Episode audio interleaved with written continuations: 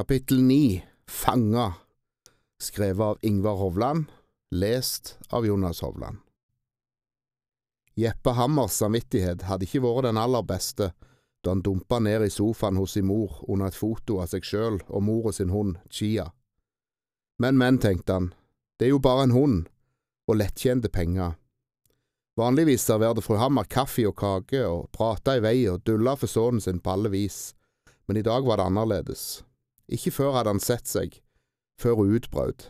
Vet du, Jeppe, jeg hadde nettopp nå besøk av to unge, søte mennesker som hadde funnet dette. Opp av skjørtelommen trakk hun halsbåndet, Skias halsbånd. Jeppe Hammer så straks hvor det var, og jeg kunne kjenne at han ble rød i fjeset. eh, hvor fant de det? spurte han med rusten røst. I varebilen til Christian Langholmen.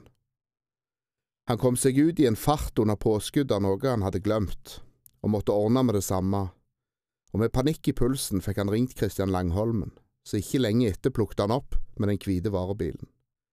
Christian var rasende.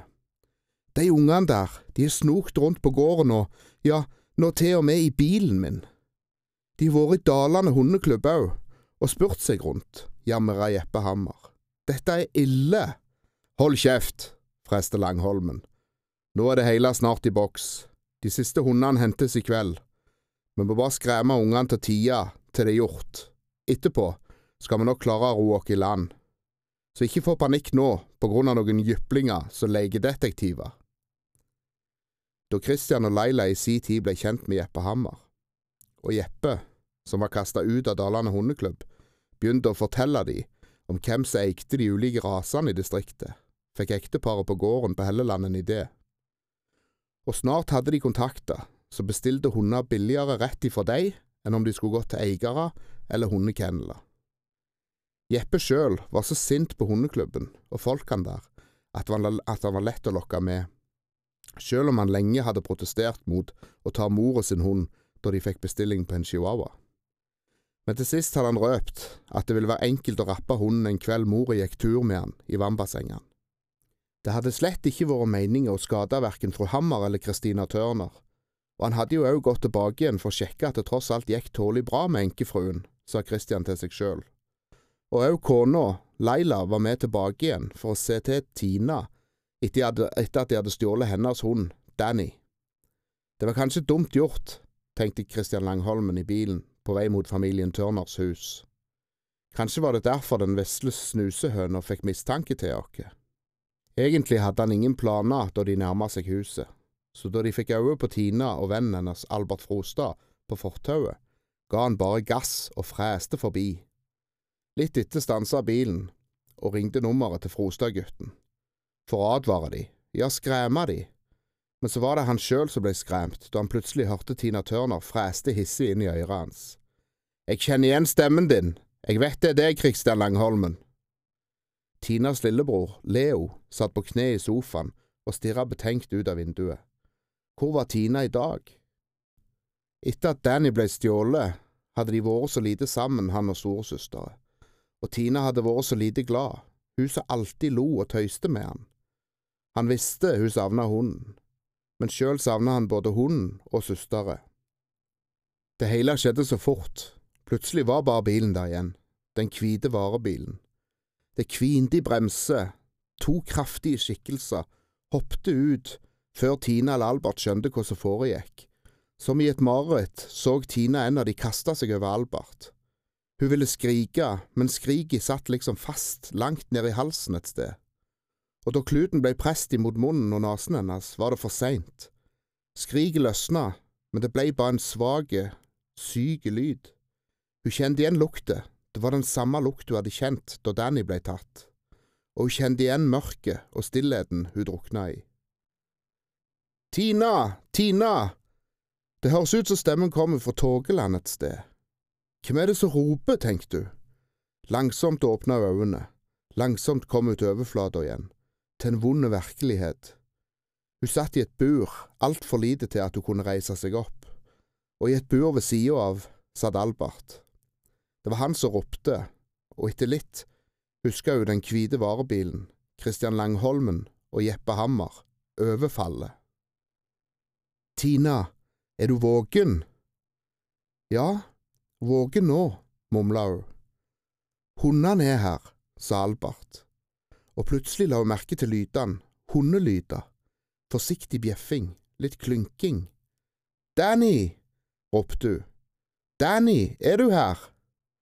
Hun så han samtidig som hun hørte et velkjent hundehei. I et bur skrått overfor henne sto Danny. Og Danny, ropte hun. Glad og redd på samme tid. Danny, der er du jo!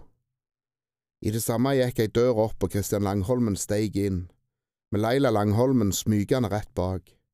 Ja, Danny er her, men ikke så lenge til. Slipp dere ut! ropte Albert og hamra i gitteret. Dere er jo helt sprø! Så så, ta det med ro, sa fru Leila. Dere skal få slippe ut. Dere må bare være her noen timer til, så er det over. Politiet er på sporet av dere, sa Tina. Dere blir tatt.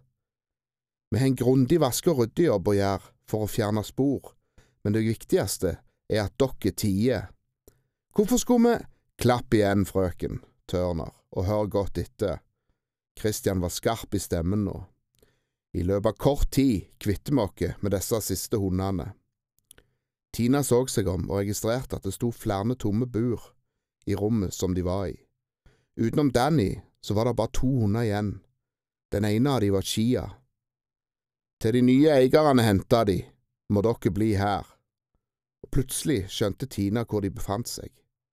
Da de spionerte på Langholmen-gården på Helleland, hadde hun lagt merke til et relativt nytt uthus ved sida av låven, en firkanta klosse, hun hadde stussa litt på den. Når hundene er henta, slipper vi dere ut, sa Leila. I det samme gikk døra opp på ny, og Jeppe Hammer kom inn.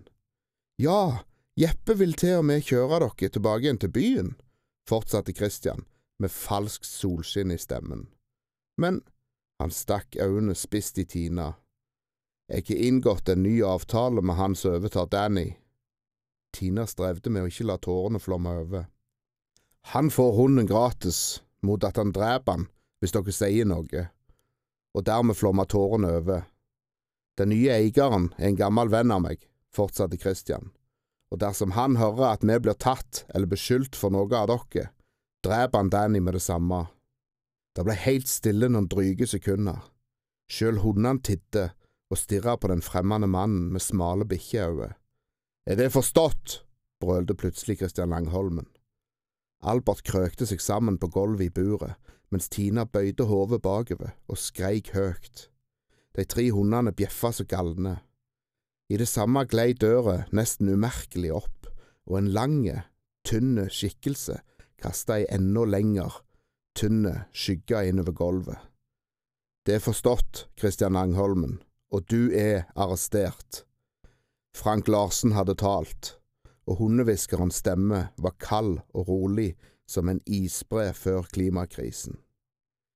Kidnappingen av de to unge detektivene hadde ikke gått så knirkefritt som Langholmen trodde. For på kne i en sofa i Elganeveien 10 satt Leo Tørner og tenkte på søster si og familiens hund mens han stirret tomt ut av vinduet. Han var alene hjemme. Da Tina og Albert kom ruslende, da den hvite varebilen kom, da de to mennene hoppte ut, og da storesøster og Albert ble lempa inn i bilen, ble han sittende som en statue som en fastfrose, som en eldgammel mann som ikke hadde tenkt å røre mer på seg. Men så reiv han brått kroppen opp av sofaen, raste barbeint ut og skrapte føttene opp på småsteinene i grusgangen, mens han hylte høyere enn høghuset på andre sida av veien. En moped bråstoppa. Føreren, som strengt tatt hadde fått inndroget mopedlappen etter å ha tjuvlånt faren sin varebil, satt den ene foten i bakken. Hva er det, Leo? Med stødige fingre flekka Roger Karlsen fram mobilen, og med fast stemme forklarte han politiet hva Leo hadde sett. Fra Egersund politistasjon kom det straks en kort og klar melding til dyrepolitiets beste mann, som for tida ferierte i Egersund. Sammen med de tre lokale politibetjente var Frank Larsen hurtig på plass på Langholmengården på Helleland, og arrestasjonen av hundetjuvene var et faktum. Danny logra og dansa ustoppelig hele kvelden. Leo smilte så han verka i kinnene, og Tina lo og grein. Og så lo hun igjen.